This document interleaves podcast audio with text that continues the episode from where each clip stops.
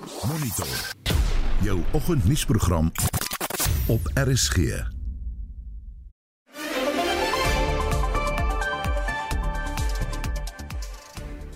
In vanoggend se program Vrystaat Landbou eis dringende optrede teen back and closure, die ekonomie krimp in die tweede kwartaal. Ons het baie beerdkrag gehad, ons het natuurlik die vloede gehad in die begin van April, 'n lang staking in die mynbousektor, protesaksie op die N3, die Durban hawe se gebeure was versteur en daar was vertragings daar. 1 miljoen rand wat bestem was vir die bou van die Vrystaatse wetgewer gebou in Bloemfontein is wanbestee. Ons het 10 jaar dat ons geveg het dat hierdie projek ondersoek moet word en dat daar kriminele klagtes indien moontlik teen hierdie persone ook ingestel moet word. Welkom by Monitor. Die span vanoggend is redakteur Wessel Pretorius, ons produksieregisseur is Mark Preller en ek is Oudou Karelse. Nou mense met tatoeëermerke is weer in die nuus. Ons het gister hier op Monitor berig dat daar nie teen jou gediskrimineer mag word indien jy met die prentjies op jou lyf spog nie. Luister wat eh, na wat Hugo Pinaar van die regsfirma Klif Dekker Hofmeyer op die program gister te sê gehad het. As jy kyk na die wet op werknemer gelykheid of gelykheid, dan is daar artikel 6 wat sê applikante word ook beskerm en jy mag nie teen hulle diskrimineer op grond van geloof of kultuur of andersins nie en natuurlik op enige ander arbitreëre gronde nie. Nou, ons wil vanoggend by jou weet, hoe voel jy oor tatoeëermerke? As jy getatoeëer is, is daar al teen jou gediskrimineer by die werk of elders of weet jy al 'n oordeel gevel teen iemand, teen iemand met 'n tatoeëermerk? Laat ons weet, praat saam op die Monitor en Spectrum Facebook bladsy of stuur 'n SMS na 45889. Dit sal jou R1.50 per boodskap kos.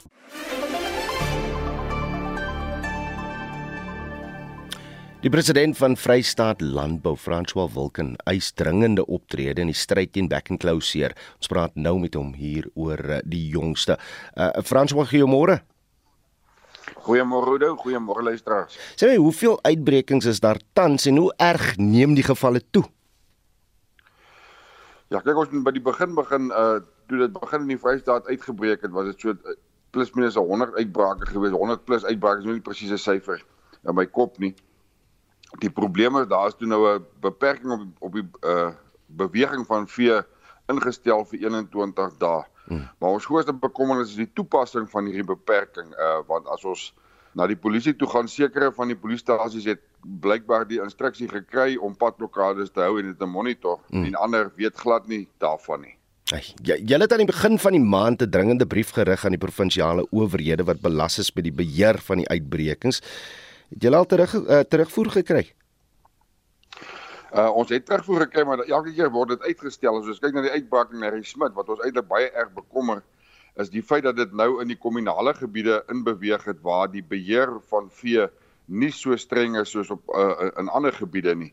En dit kan maak dat die ding uh, buite beheer gaan begin versprei. Hmm. Want wat in Harry Smit dan nou ook gebeur het is dat toe die uitbraak onder die kommunale uh, beeste opgetel is, is die beeste gekwarantyne, maar die eienaar van die beeste het eh, bloot die drade geknip en die vee is net uitgeneem weer. So dit is ons grootste bekommernis en ons versoek aan die polisie en aan die departement om vinnig op te tree. Het so vir 5 dae op dowe ore geval en heidaglik is daar nog steeds nie uh, protokolle in plek nie. Maar Frans, as organisasie praat julle nou al reeds oor 'n uh, uh, hofsaak om die regering sover te kry om hulle mandaat na te kom. Ja, jy sien as 'n mens uh regulasies uitvaardig wat toegepas moet word, dan moet dit gedoen word. Dit help nie ou vaardig die regulasies uit nie. Hmm. Heidiglik is ons probleem met die uh, beperking op die vervoer van vee dat dit plaas nou druk op ons op ons boere wat nou uh kontantvloei probleme begin optel oor vee wat nie bemark kan word. Uh en ek dink is die is die huidige beperking op die vervoer van beeste totaal en al oneffektief en sal dan 'n nuwe strategie en protokolle gekyk moet word om dan ons boere ook te help en as ons gaan kyk na waar die back and claw begin het in die back and claw gebied dit moes nooit daar uit beweeg het nie as gevolg van ons wetstoepassingsagentskappe wat nie daar hulle werk gedoen het en seker gemaak het dat dit nie daar uit beweeg het nie hmm. nou is dit eintlik buite beheer en my persoonlike mening is ek weet nie of ons dit meer gaan keer ongeag wat ons nou gaan doen nie. So ons sal na nuwe regulasies en protokolle moet begin kyk. Ek ek, ek lees nou die dag Willem van Jaarsveld van die Back and Closure Forum met 'n uh, paar dae terug gesê in 'n publikasie dat politieke korrektheid verhoed uh, dat owerhede daadwerklik optree. Stem jy stem jy saam hiermee? Ek sou saamstem daarmee want as ons gaan kyk na wat is ons besig om te doen, wat het ons in die verlede gedoen? Ons het probeer om Suid-Afrika se back and claw vry status te behou deur die back and claw te beperk in die gebiede in die rooi gebied soos ons hom ken. En nou is hy daar uit en ek weet nie of ons ooit weer ons back and claw status gaan gaan terugkry nie. So ons sal moet baie anderster begin dink oor die hele situasie as om te probeer polities korrek wees en die ding half onder die mat in te vee. Hy is nie meer onder die mat nie. Hy is nou in die in die, in die oop hmm. en ons moet hom nou bestuur op daai vlak. Maar wat sou die rede daarvoor wees? Wat sou agter hierdie politieke korrektheid steek? Want want dit raak ons natuurlik almal op die einde van die dag dit raak ons almal kyk as ons gaan kyk na back and closure dit is 'n siekte wat al vir vir vir dekades saam met ons is en hy is beheer en bestuur op die regte manier in die verlede sodat ons ons back and close vry status kon behou. Maar nou is hy uit na buite toe. En uh die die politieke wil en die wil van die departement en die dringendheid wat daar moet wees om die ding regte beheer en regte bestuur bestaan wat my aanbetref glad nie binne die departement of selfs in jou uh uh polisie mag nie. Reg, François, jy het gepraat van van die nut om om nuwe protokolle op uh, meer voor 'n dag te kom. Wat sou met die huidige situasie, wat sou nou werk?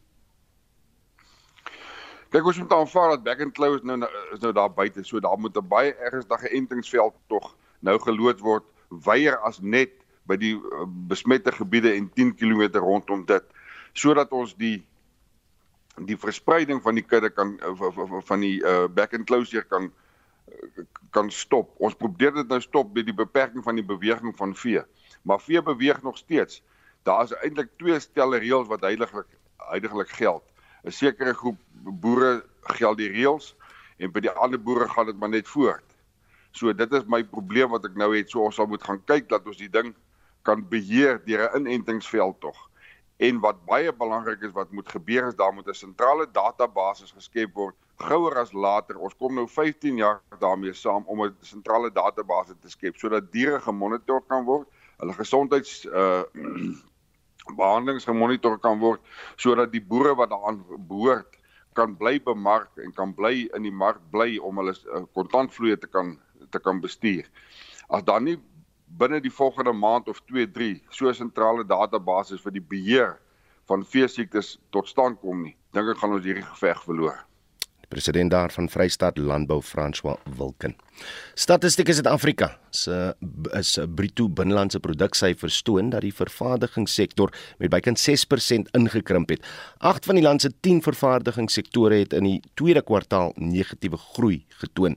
Syfers vir die tweede kwartaal toon dat die ekonomie met 0,7% op 'n kwartaallikse grondslag ingekrimp het. Ons praat nou met Hugo Pinaar, ekonom van die Buro vir Ekonomiese Onderzoek. Hugo, goeiemôre. Goeiemôre Udo en luisteraars. Waaraan kan die inkrimping van spesifiek die vervaardigingssektor en ekonomie toegeskryf word? Maar oor ons het 'n paar het skokke gehad in die in die tweede kwartaal. Die, die een wat wat mense natuurlik die meeste aan hulle lywe gevoel het is is beerdkrag en ons het wesenlike beerdkrag in die tweede kwartaal gehad. So dit is 'n negatiewe uh, faktor vir die vervaardigingssektor. En dan het ons um, natuurlik ook die die vloede in KwaZulu-Natal veral gehad in April en dit het 'n groot impak gehad veral op die voertuigproduksie in daai 'n uh, provinsie. So dis twee spesifieke faktore uh, wat regtig um, negatief was vir vervaardiging in die tweede kwartaal. Tog meen jy dat daar 'n uh, silwer randjie is? Maar ek dink aan die aan die dienste kant van die ekonomie. So die die faktore wat ek nou genoem het, het het veral 'n negatiewe impak gehad op die primêre, dis nou landbou en mynbou en die sekondêre sektore wat vervaardiging, elektrisiteitsverskaffing en konstruksie is. So daai primêr en sekondêr was was was negatief uh, in in die tweede kwartaal, maar dan na die dienste sektor kant. So dis nou uh, mense wat byvoorbeeld na restaurante toe gaan en so meer. Uh, daar het ons ehm um, uh, groei gesien in die tweede kwartaal. Die finansiële dienste sektor het ook uh, was ook positief. So dit het so bietjie teengewerk teen die primêre en die sekondêre dalings. Of kom ek sê so as dit nie was vir wat ons aan die dienste sektor gesien het nie sou die ekonomie natuurlik met nog meer gekrimp het in die tweede kwartaal. Reg wat verwag jy vir die res van die jaar in die 3 maande wat voor lê? Uh, met dit dat uh, veral beerdkrag ook nou weer ingestel is Sigo Ja, so die so die derde kwartaal ehm um, het ons beperkings. Uh, inflasie ehm um, dit is was nog hoër in Julie as wat dit in in die tweede kwartaal was. Ons het weer beerdkrag gesien, maar dan moet mens ook sê, jy weet ons is nou besig om te herstel van van die vloede ehm um, in die tweede kwartaal. So daai voertuigproduksie waarna ek verwys het in KZN, dit is besig ehm um, uh, om om om te herstel. Ehm um, en dan ook ehm um, die sosiale toelaat die die die ehm um, spesiale toelaat is vir 'n tyd nie betaal aan aan arme mense in die tweede kwartaal nie. Dit kom nou terug. So dit behoort uh sekere dele van van verbruik te ondersteun. En dan het 'n ander punt dalk wat belangrik is, die derde kwartaal sal die eerste kwartaal sedert die vierde kwartaal van 2019 wees waar daar geen COVID beperkings op op die ekonomie is nie. So ons dink dit behoort ook ehm um, daartoe te lei dat die derde kwartaal beter lyk uh, as die tweede kwartaal. 'n Laaste puntjie is daar was 'n baie lang staking in die goudbedryf uh, in die tweede kwartaal. So die goudproduksie aan die mynboukant behoort ook beter te doen in in die derde kwartaal. So ons praat nie van baie sterk groei nie, maar daar's 'n klomp faktore om wat mense laat dink die derde kwartaal uh, behoort beter te lyk as die tweede kwartaal. Net vanoggend is petrol goedkoper by die pomp. Is dit 'n tendens in jou mening wat uh, sal voortduur en uh, wat gaan dit vir ons beteken? As Suid-Afrikaners? Dit is nou eintlik 'n belangrike punt wat ek ook moes gemaak het. So dis nou nie net in September nie, maar in Augustus het ons natuurlik ook 'n uh, 'n petrolbedaling gesien. So dis nou twee agtereenvolgende maande wat die prys uh, redelik afgekom het. So ja, dit behoort daarom aan die besteedbare inkomste kant um, 'n bietjie meer geld in in in mense se sakke te sit, veral die wat wat met ver um, reis elke dag om by die werk te kom. Net so nog 'n vraag oor die petrolpryse. Die dieselprys wat gister aangekondig is, hier groei het aansienlik minder gedaal as uh, byvoorbeeld die petrolprys. Verduidelik net aan ons luisteraars hoekom dit die geval is. Ja, so so as jy dink aan die petrolprys dan dan dink jy baie keer dis ons voer olie in en, en ons moet in dollar daarvoor betaal. Ehm um, so die die oliepryse is 'n belangrike drywer van van ons petrolprys en dan die rand dollar wisselkoers. Maar dis eintlik internasionale produkpryse. Met ander woorde internasionale pryse van petrol en diesel ehm um, maal met die rand dollar wisselkoers wat wat ons petrolprys beïnvloed. Nou op sekere tye mag daar afwykings wees van ehm um, wat met die petrol en die dieselprys internasionaal gebeur om mag raffinaderry spesifieke ehm um, goed wees. Is nie altyd presies duidelik nie, maar ek vermoed wat hier gebeur het is dat internasionale dieselpryse nie tot dieselfde mate as petrolpryse gedaal die afgelope maand nie en dat dit waarskynlik die rede is hoekom uh, die dieselprys uh, by ons dan nie tot dieselfde mate afkom nou as as petrol nie. Ek hoop Pienaar baie dankie vir jou tyd. Hy's ekonom van die Buro vir Ekonomiese Onderzoek. Nou ons het gister berig oor munisipale skuld aan Eskom wat aanhou styg. Vir sy insig hieroor praat ons nou met professor Erwin Swela, die dekaan van die skool vir sosiale innovasie aan die Huguenot College op Wellington. Erwin, goeiemôre. Môre Oudo. Kan ons net net vinnig, net vlugtig by by Ted Blom se punt uitkom wat hy gister uh, gemaak het. Sy argument is dat Eskom se prysverhogings buitenspore en uh, buitensporig hoog is en as gevolg daarvan is dit te verwagte dat munisipaliteite nie sal betaal nie. Hy sê daar moet hof toe gegaan word om te verhoed dat Eskom ons so baie kan vra vir elektrisiteit. Jou mening hieroor? Ja, dit is natuurlik die lang geskiedenis wat ons het van 'n uh, verskeidenheid faktore wat 'n impak het op Eskom se kostestruktuur. Ehm um, ons weet mos nou dat daar jare lank al uh, geweldige skuld is ook van die publiek aan Eskom. Hm. Ehm um, dis net interessant om daarop te let dat uh, op hierdie stadium is die berekeninge dat uh, die Suid-Afrikaanse publiek skuld aan Eskom 255 000 miljoen rand. Ja, uh, dis 'n groot dis 'n groot som. Ehm um, daar is ook groot probleme by Eskom. Ons weet van jarelange korrupsie en wanadministrasie. Ons weet terselfdertyd ook uh, dat daar uh, uh, nog steeds probleme is volgens by die Andre de Ruyter. Nou die implikasie van al hierdie koste elemente maak dat Eskom geld nodig het. Ehm um, en dat hulle nie die geld inkry van munisipaliteite nie. Ehm um, dink net as jy die rente op hierdie uitstaande skuld moet diens, uh, dan is dit al 'n groot komponent van jou bedryfsbegroting. So meneer Blom is reg, die elektrisiteit is baie duur, maar dis 'n 'n situasie waarin ons beland het as gevolg van die uh verwaarlosing en 'n groot mate van uh swak bestuur. En Eskom word gereguleer deur die nasionale energiereguleerder. Ehm um, maar hulle kan ook nie daarin slaag om hierdie kostes te beperk hmm. nie. Hmm. Interessant net ehm um, ehm um, 7% verhoging nog hierdie jaar aan Eskom werknemers uh, wat reeds van die hoogs betaalde werknemers in die land is. So hier's 'n hier's 'n hele aantal probleme en ek dink ons moet baie versigtig wees dat hierdie hele elektrisiteitsonderneming net in duie stort en ons almal dalk um, uiteindelik niks sien. Die die groot verskil is as ek as private uh, persoon nou nie betaal nie, binne 'n maand of twee gaan gaan die stad Johannesburg my krag afsny. So hoe kom munisipaliteite dan daarmee weg om Eskom vir jare, vir maande, jare nie te betaal nie? Wel kom ons uh, sê eers uh, Oudo, ehm um, dit is nie heeltemal waar nie as ons gaan kyk na na hierdie 255 000 miljoen skuld. Ehm um, is ongeveer 70% daarvan word geskuld deur huishoudings. So op 'n of ander manier is die skuldinvorderingsproses en daar's aanduidings dat as jy die skuld nie binne 30 dae gevorder het nie, dan gaan jy dit nie vorder nie. So ehm um, dit is sodat ja, baie mense se krag word deur munisipaliteite afgeskakel, maar daar is ook groot groepe mense uh, wie se skuld nie gevorder word nie en dit is slegte skuld wat nie gevorder gaan word nie. Hmm. Tweedens vir politieke redes is dit moeilik om ehm um, volledige stede of selfs metropolitaanse gebiede en binne metropolitaanse gebiede is daar ook uh, dikwels um, sensitiewe areas waar die publiek van daardie areas voel dat hulle 'n aanspraak het op elektrisiteit. So dit is nie so maklik om net die krag af te sny nie. Ehm um, dit is 'n ekonomiese ramp uh, wanneer ons 'n paar fases uh, en selfs die die die beperkte fases van beedkrag sien maar fase 2 het. En is 'n totale totale ekonomiese ramp as ons volledige beedkrag het. So op 'n of ander manier is die vraag-aanbod verhouding hier so versteur as gevolg van van jarelange verwaarlosing, jarelange korrupsie en uiteindelik 'n um, stelsel wat net nie meer werk nie. Nie net is die ons ons opwekkingstelsels in die kragstasies soos ou karre wat nie meer uh funksioneer omdat hulle nie gediens is nie. Ons hele elektrisiteitsekonomie stelsel is ook verwaarloos en is besig om rammelrig uitmekaar uit te val. Is daar 'n oplossing net om om die die skuld te vereffen?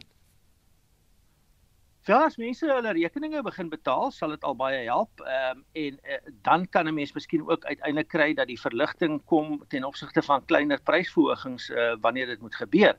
Die oplossing is egter op 'n ander plek in die stelsel. Ons moet veel meer gemaak van die, die vermoë wat tegnologie nou vir ons skep om ander bronne van energie te te te verkry. En dit moet ons waarskynlik op 'n manier organiseer dat dit maklik is vir groepe om dit te doen.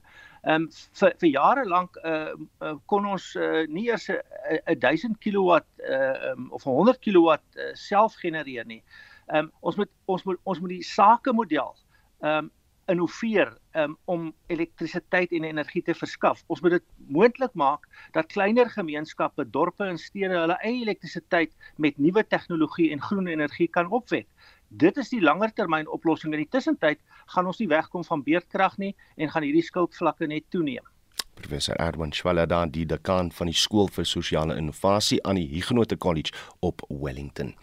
Die staat het die Pietermaritzburgse Hooggeregshof gevra om die voorgeskrewe minimumvonnis van 15 jaar tronkstraf vir bedrog en korrupsie op te lê in die saak teen 'n voormalige hoof van die KwaZulu-Natalse Tesorie, Sipho Shabalala. Hy is skuldig bevind in verband met 'n 44 miljoen rand kontrak in 2006 om watersuiweringsaanlegte vir plattelandse gebiede aan te koop. Die hof het bevind dat Shabalala 1,5 miljoen rand van die kontrakteur Gaston Savoy van Uruguay ontvang het nadat die normale tenderprosedures omseil is. Dries Liebenberg berig. Die staatsanklaer, advokaat Mlungisi Magwanyana, het betoog dat Shabalala as hoof van die provinsiale tesourie 'n plig gehad het om die wet te gehoorsaam eerder as opdragte wat hy van sy politieke hoofde ontvang het. Dit kom nadat Shabalala aan bedrog skuldig bevind is weens die rol wat hy gespeel het om geld uit 'n fonds vir die verligting van armoede na die departement van samewerkende regering oor te plaas om vir die suiweringsaanlegte te betaal. Die hof het gehoor dat hierdie aanlegte op sommige munisipaliteite afgedwing is. Shabalala is ook skuldig bevind aan korrupsie en geldwasery nadat hy 1,5 miljoen rand van die kontrakteur ontvang het, sowel as die oortreding van die wet op bestuur van openbare finansies. Shabalala het in sy pleitverduideliking gesê die ANC kry meeste van sy skenkings van maatskappye wat met die regering sake doen. Volgens hom was die 1 miljoen rand 'n skenking aan die ANC. Die destydse provinsiale tesourier van die ANC het in 'n beëdigde verklaring gesê hy het 1 miljoen rand ontvang wat Shabalala vir die party ingesamel het. Dr. William Kize, wat in 2006 die LER vir finansies was, het getuig hy het Shabalala opdrag gegee om geld vir die kontrak uit die armoedeverligtingfonds oor te plaas. 'n maatskaplike werker, Pumelelo Shiba, het getuig dat Shabalala in 'n voorvonnis onderhoud gesê het hy glo nie dat sy optrede onwettig was nie en dat hy slegs opdragte van sy hoofde uitgevoer het. Regter Daya Pillay het in haar uitspraak bevind dat Shabalala se kollegas wat die getuienis gelewer het, gelieg het. Ter strafversagting het advokaat Kumbu Shazi aangevoer Shabalala het 'n uitnemende en onkreukbare loopbaan gehad voor die intake kontrak. Nadat die kontrak in 2006 as dringend deurgedruk is, is die laaste aanlegte eers 10 jaar later opgerig. Regter Pillay sal donderdag die vonnis oplê. Ek is Dries Liebenberg in Pietermaritzburg. Ons praat vandag oor tatoeëermerke want ons het gister berig dat daar nie teen jou gediskrimineer mag word indien jy met die prentjies op jou lyf spog nie. Nou vanoggend wil ons net weet hoe voel jy oor tatoeëermerke? Wel Susan Engelbrecht skryf op ons Facebookblad ek gee nie om hoeveel tatoeëermerke ander mense het nie en soms is dit nogal mooi, maar 'n oormaat sit my af. Ek self het niks en wil ook nie hê nie. Dankie. My littekens deur die jare is genoeg sê sy. Rex Bester sê dit gaan oor keuses in my loopbaan was dit bekend onder misdadigers, bendelede ensovoorts. Bets Ferreira laat weet nee, kyk, daar is daar 'n perk aan alles soos my ouma gesê het, net te perd en te voet is aanvaarbaar. Te veel tatoeëermerke beslis nie enetjie is mos nou nie 'n probleem nie. Stefan van Heerden sê en vel hiermee seker sy oordeel. Uh dit het my nog nooit beïndruk nie. Inteendeel, Wie wil in elk geval lyk of hy sy met 'n nat koerant geslaan is? Dit getuig van onverwerkte issues. Nee wat, sis, sê hy. En uh, Pia Visser skryf Ek het my twee seuns se name op my linkerpols laat tatoeëer. Ek was 62 jaar oud toe ek dit gedoen het. My keuse. Wonder of Stefan na dit nog steeds daar by die huis staan en sis sê. Praat saam op die Monitor en Spectrum Facebook bladsy of stuur 'n SMS na 45889 teen R1.50 per boodskap.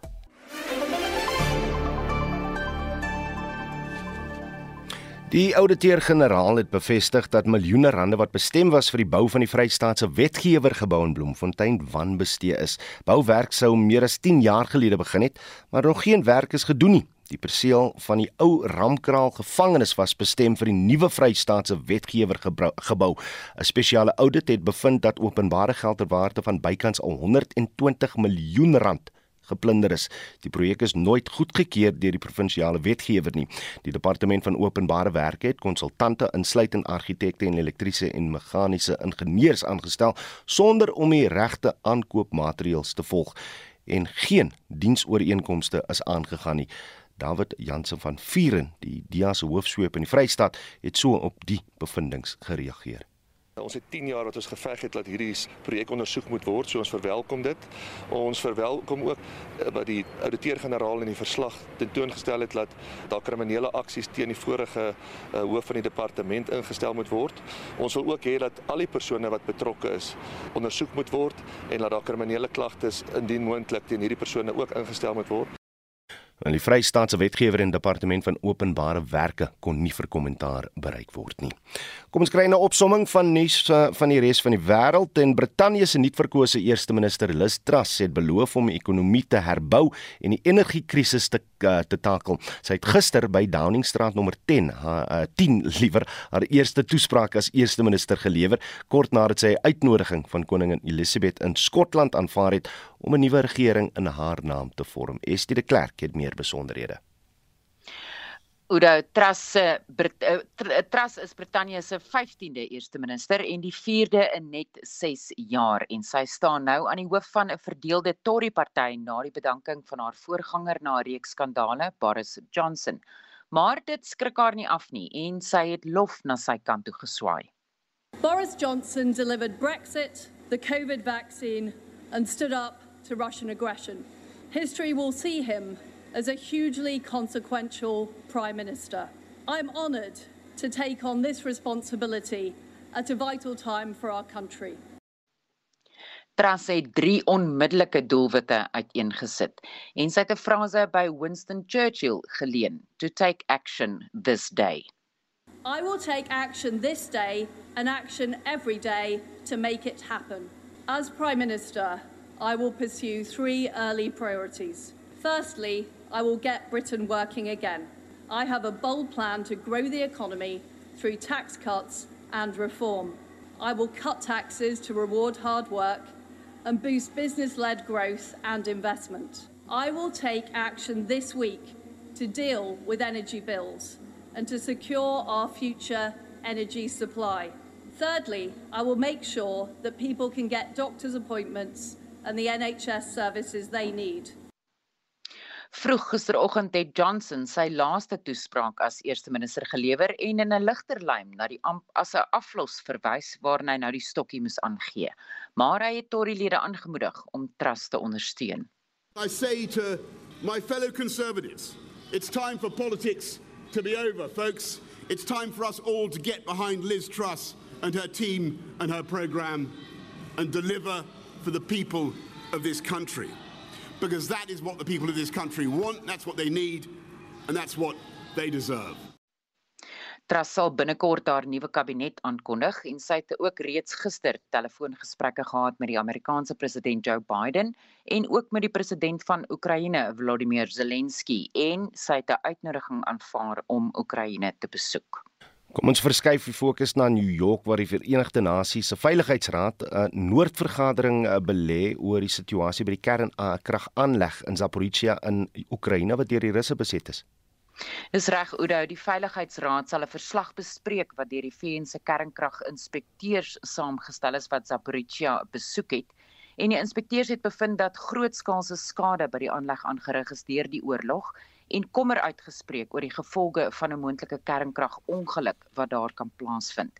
Die inspekteurs het aanbeveel dat 'n veiligheidsone onmiddellik om die aanleg ingestel moet word om dit teen enige verdere aanvalle te beskerm.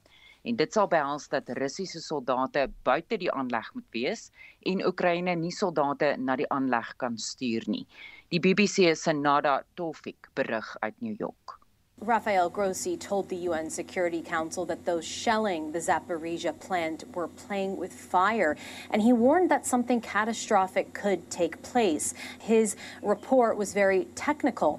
He said the IAEA was ready to consult with the parties immediately to agree on that, and he listed his many concerns. He said that the physical integrity of the plant continues to be violated, and that the operators, the Ukrainian operators at the plant were working under extremely challenging circumstances alongside the presence of Russian military personnel, equipment, and vehicles.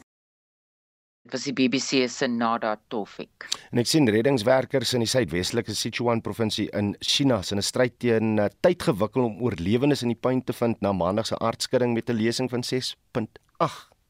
Dis reg dat ten minste 66 mense is reeds dood, honderde is beseer en nog honderde mense word steeds vermis. Meer as 400 weermaglede is ontplooi en is besig met 'n deur-tot-deur veldtog om oorlewendes te vind. Talle mense in China is steeds onder streng COVID-19 maatreëls en kon nêrens heen vlug nie. en weerkundiges waarsku nou dat swaar reën in die gebied kan uitsak wat reddingsoperasies sal bemoeilik. En dit was Estie met 'n oorsig oor vandag se wêreldnuus. COVID-19 verwante sterftes het byna 150 000 kinders in Suid-Afrika weesgelaat volgens navorsing deur die Imperial College in Londen. Die getal styg tot 207 000 wanneer kinders ingesluit word wat hul primêre of sekondêre versorger soos 'n grootouer verloor het, sê Toby Fricker, die woordvoerder van die UNICEF of of liewer van UNICEF Suid-Afrika.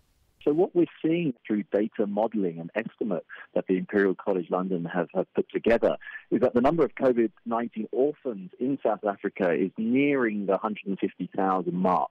And also a reminder, I think, for everyone of the you know, the horrific impact that the COVID pandemic has had on families across South Africa, you know, across the region, and, and obviously across the globe as well. And children's lives have really been affected in so many different ways, um, but particularly for those who you know who have lost parents and or caregivers. Yeah, those scars will of course last forever. Frieker voeg by dat die verlies aan ouerlike ondersteuning en geliefdes tydens kinderjare 'n langdurige impak op hul geestelike en fisiese gesondheid kan hê. Navorsing toon dat hierdie kinders meer geneig is om geweld en mishandeling te ervaar en verwaarloos en uitgebuit te word. I mean, the loss of parents, the loss of a primary caregiver, you know, is, is devastating for any child. They're the ones who provide that sort of nurturing care, the love at home, that stability within the household. And it really affects everything from access then to essential services. You know, so for example, for health services, for routine child immunization could be missed. And also access to schools, to education, all these things, it has a knock-on effect on many children, which is why it's so important that we, you know, as UNICEF, but, but also as a collective of society, we help to respond and help to protect, you know, nurture these children as much as we possibly can. UNICEF poog om die kapasiteit van gesinsgebaseerde sorg en maatskaplike beskermingsstelsels te versterk. I mean, I think they're already in South Africa. Many children, you know, their rights were being abused in many different ways, even before the this double impact of the pandemic is really concerning. The hope is there because I was recently at a safe park in Soweto, which is a place that provides you know, holistic care for children. And I met a child and youth care worker who was orphaned herself as a child. And, and she really spoke about somewhere like this really was everything to her. It saved her life, which is, it were her own words.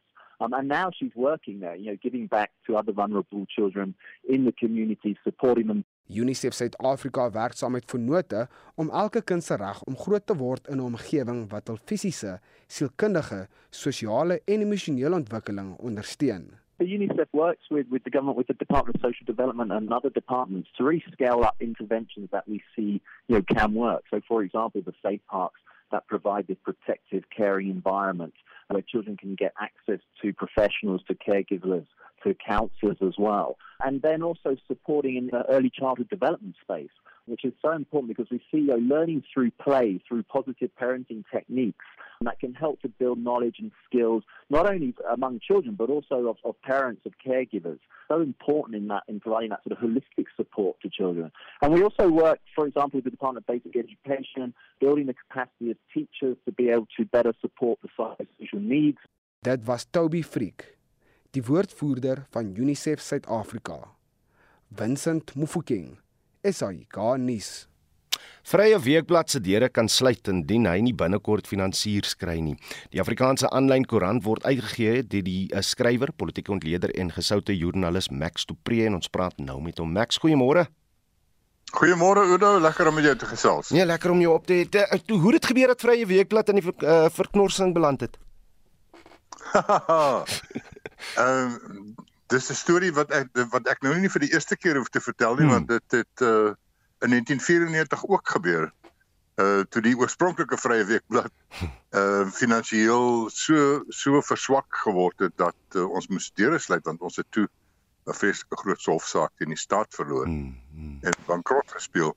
Uh die keer word ons uitgegee deur Arena Holdings, die mense wat uh, die Sunday Times en Business Day uitgee. En hulle enigste belangstelling, ek bedoel dit is totaal Engelse, dis 'n hoofsaaklik swart maatskappy. Mm So hulle enigste belangstelling is hulle wil wins sien. En hierdie produk van ons eh, is nie uh, die nou die grootste winsgewende uh een in die in die in die media bedryf nie. So ons het doodgewoon ehm um, nie uh, genoeg volop betaalde intekenaars gekry om ons koste te dek nie. Hmm. En uh, ons uitgewersmaatskappy het nooit advertensies verkoop of so iets nie. So hulle het nou net gesê hulle wil onttrek. Ehm um, hulle wil nie langer uh, met 'n verlies werk nie. Die die die feit dat daar nou nie advertensies verkoop is nie, is dit was dit deel van die besigheidsstrategie of kon hulle net nie verkoop nie of hoe? Ek my my my gevoel is hulle het nooit hard genoeg probeer nie. Om die hart te sê ons het met hulle beklei die laaste 40 maande omtrent elke week. Hmm. Ons het op 'n stadium self probeer. Maar jy weet ons was maar 'n bietjie van 'n stiefkind omdat ons Afrikaans was. So uh nie een van die base by Arena kon ons lees nie. Hmm. Of het ons gelees nie. Hulle het nie geweet wat ons doen nie. So dit is nou maar maar Oudo ek, ek dis maar dis 'n hartseer storie. Hmm maar ek dink ook dis is dis dis 'n bedekte seën. Hoe hoe, hoe bedoel jy? Uh, ek dink ons gaan opstaan en met 'n nuwe ding na vore kom op ons eie bene. Ehm um, en dan sit ons nie met al hierdie probleme nie. Ons het ons saglike mense wat hier luister en wat intekenare was of probeer om te wees, hmm. sal weet hoeveel tegniese probleme ons gehad het ons app het omtrent nooit gewerk nie. Ja. Ons kommentasie seksie werk op die oomblik weer nie. Dit was so moeilik om in te teken. Mense het vir 'n dag lank gesit en sukkel. Ons kan al daai probleme uitsny as ons op ons eie bene staan. So ek is in gesprek met uh met uh, manne met mense met diep sakke mm. en groot belangstelling om om uh 'n stewige klomp geld hier in te sit en te belê en en Vrye Weekblad op sy eie bene te laat staan as 'n as 'n sterker en groter projek. Sê my wanneer behoort jy 'n finale antwoord te hê oor of die manne met diep sakke gaan belê of nie, bestee of nie? Ehm um, ek sou sê weke eerder as maande. Hmm. Uh dit gaan goed aan, maar jy weet dit is 'n redelike komplekse ding want dit word op 'n digitale platform uitgegee. Dit is kompleks. So ons hmm. nuwe digitale uh, uh, platform skep en so aan. Uh maar dit maak my baie opgewonde wat wat ons weet van vryweekblad.com wat ons nou gehad het is daar's 'n mark, daar's 'n rol om te speel. Daar's 'n plek vir ons unieke vorm ehm um, van journalistiek. Ehm um, daar's 'n rol vir ons om te speel in die breër samelewing en dit is baie baie goed vir Afrikaans dat kom, dat ons hierdie ding uitgee. Kom ek sê dit so, ek is al ek is nog minder as 'n jaar by RSG. As ek kyk na die reaksie ten opsigte van verwikkelinge by hierdie stasie, as ek kyk na reaksie vir Afrikaanse nuus veral. Daar's da groot aptyd vir vir nuus aktualiteit in Afrikaans. Maar as jy kyk ja. na die die model wat gebruik word, jy moet vir alles betaal. Is dit gaan dit ja. deel wees van van julle uh uh, uh, uh van wat julle wil doen in die toekoms? Ja. Ja, kyk, 'n betaalmuur is absoluut noodsaaklik. Daar is nie 'n manier wat jy dit nie kan doen nie. Die enigste mense wat nie wat jou nie laat betaal uh verlies nie in Afrikaans uh, is is Marula hmm, Media. Mm, mm. En Marula Media word totaal gesteun deur AfriForum en ander uh, trustfondse in Engels in Suid-Afrika die enigste plek waar jy gratis nuus kan kry is die Daily Maverick. Hmm. Hierdie is twee forme van filantropiese journalistiek. Met ander woorde, hulle gee nie om vir hulle wins maak nie. Hulle hulle het mense met uh, mense wat hulle om ander redes vir hulle geld skenk. Hmm. Ek dink nie dit is 'n volhoubare vorm van journalistiek nie. Jy is afhanklik van mense wat vir jou gratis geld gee aan skenkers. So ek dink mense oor die wêreld is besig om gewoon te raak daaraan dat niks is verniet nie. Mm. Jy moet dit nou net nie te duur maak nie en jy moet dit die moeite werd maak. Jy moet dit die moeite werd maak. En as dit verniet is, dan is jy die produk. Maar Max, alles van die beste. Ons sal praat sodra hy groot check met die handtekening in jou rekening is, nie? Soos hulle sê, hou hierdie ruimte dop. Dankie Oudo. As hy Max Dupree die uitgewer van Vrye Weekblad. Bewering dat die gewilde video-toepassing TikTok deur kuberkrakers aangeval is word deur die maatskappy ontken. Berigte wil dit hê dat 2 eh, miljard mense se inligting gesteel is. Die redakteur van mybroadband.co.za, Jan Vermeulen, meen egter dat dit nie so ernstige probleem is nie. Dit lyk asof daar een of ander databreuk is, maar dit is nie noodwendig van TikTok self af nie. So wat nie kon gebeur het is dat 'n ander organisasie dalk data geskryp het van TikTok af en dit beteken dat dit basies deur mense se profile gegaan en dan gekyk jy weet wie hulle vriende is en die publieke data wat beskikbaar is van daardie mense bymekaar gemaak in 'n database gesit en daardie database is dalk op 'n onveilige manier gestoor op die internet en mense het nou toegang gekry na daardie data toe. Dis een opsie, dit kan ander goed ook wees, maar TikTok sê daar is nie 'n databreek by hulle nie.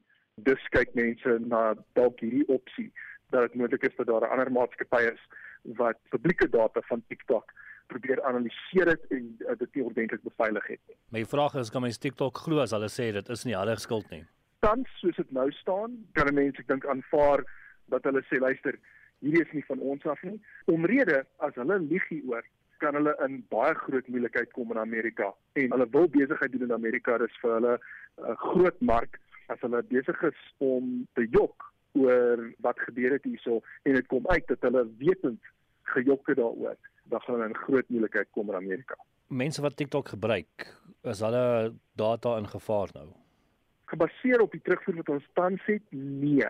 So ons sal natuurlik moet sien wat die ondersoek in hierdie databreek uiteindelik uitlig, want dit kan wees dat hierdie selfde databreek dat hulle uh, ander probleme in TikTok uitgebuit het byvoorbeeld by mense se wagwoorde of iets uitgekom het en dit dan in hulle database gesit het. Ons weet nog nie. Dit hyberig om vir mense nou raad te gee om te sê doen dit of doen dat want daar's nog 'n ondersoek wat gedoen moet word hierso voordat ons met sekerheid kan sê hoe ernstig hierdie databreek is. Oor die algemeen moet 'n mens maar aanvaar dat 'n sekere hoeveelheid van jou private data word oorhandig aan hierdie maatskappye wat uh, in die afgelope paar weke uitgekom het en dit het uitgekom dat platforms soos Instagram en TikTok as jy 'n webblaaier oopmaak binne die toepassing so met ander woorde as jy op 'n skakel klik binne die Instagram of TikTok toepassing dan stuur jou foon aan Facebook of TikTok terug elke letter wat jy tik in daai webblaaier venstertjie dit sluit in wagwoorde allerlei goed So mense moet bitter versigtig wees daarmee. So ek raai mense aan as hulle op skakels klik binne in hierdie toepassings laat hulle seker maak dit word nie binne TikTok of binne Instagram oopgemaak nie. Gaan uit, maak dit oop in 'n hele aparte webblaaier op jou foon en moenie blaai binne in hierdie toepassings nie want dit kan 'n groot privaatheid probleem skep en dalk selfs jou wagwoorde lek aan hierdie maatskappye self en mense weet nie wat hulle doen daarmee vandag af nie. Dit sal seker nie seer maak vir mense om hulle wagwoorde te verander nie. Nee, glad nie. As jy wil 100% seker maak dat jy nie onveilig is nie, kan jy wagwoorde verander. Ek raai mense aan gebruik 'n password manager. Ek gebruik self Bitwarden en so dis om te help seker maak dat jy nie dieselfde wagwoord op enige toepassing gebruik nie. Dit dan die redakteur van mybroadband.co.za Jan van Meulen. Ons herhaal net weer indien jy 'n veilige manier soek om jou wagwoorde te beskerm, gebruik 'n program soos Bitwarden of Passkeeper. Dis maklik op Google te vind. Reg ons vra vanoggend, hoe voel jy oor tatoeëermerke? Nou Willem Jansen van Rensburg skryf op ons Facebookblad, ek het nie so 'n persoon in diens geneem nie. Ek het met die publiek gewerk en kon nie bekostig om een kliënt te verloor nie en ek weet ek was nie die enigste een nie. Natuurlik het ek nie vir die kandidaat gesê nie. Weet jy van Devender sê dis elkeen se reg, ek sal nooit iemand veroordeel nie wat uh, hulle met hulle liggame doen is hulle keuse en dan sê Like Koiman, dis vir my net vieslik. En ja, Laat weet hoe jy daaroor voel. Stuur 'n boodskap op die Monitor en Spectrum Facebookblad of stuur 'n SMS na 45889. Dit sal jou R1.50 per boodskap kos. Dan groet ons namens ons uitvoerende regisseur Nicoline de Wee. Ons redakteur vanoggend is Wessel Pretorius. Ons produksieregisseur is Mark Preller en ek is Oudo Karels. Geniet die res van die dag in die geselskap van RSG.